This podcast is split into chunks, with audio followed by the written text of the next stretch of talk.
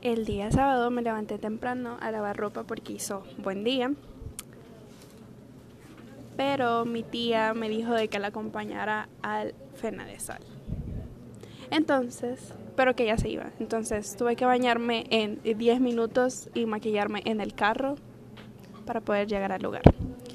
Pasé ahí desde las 12 de la tarde hasta las 4 y ya estaba muy aburrida.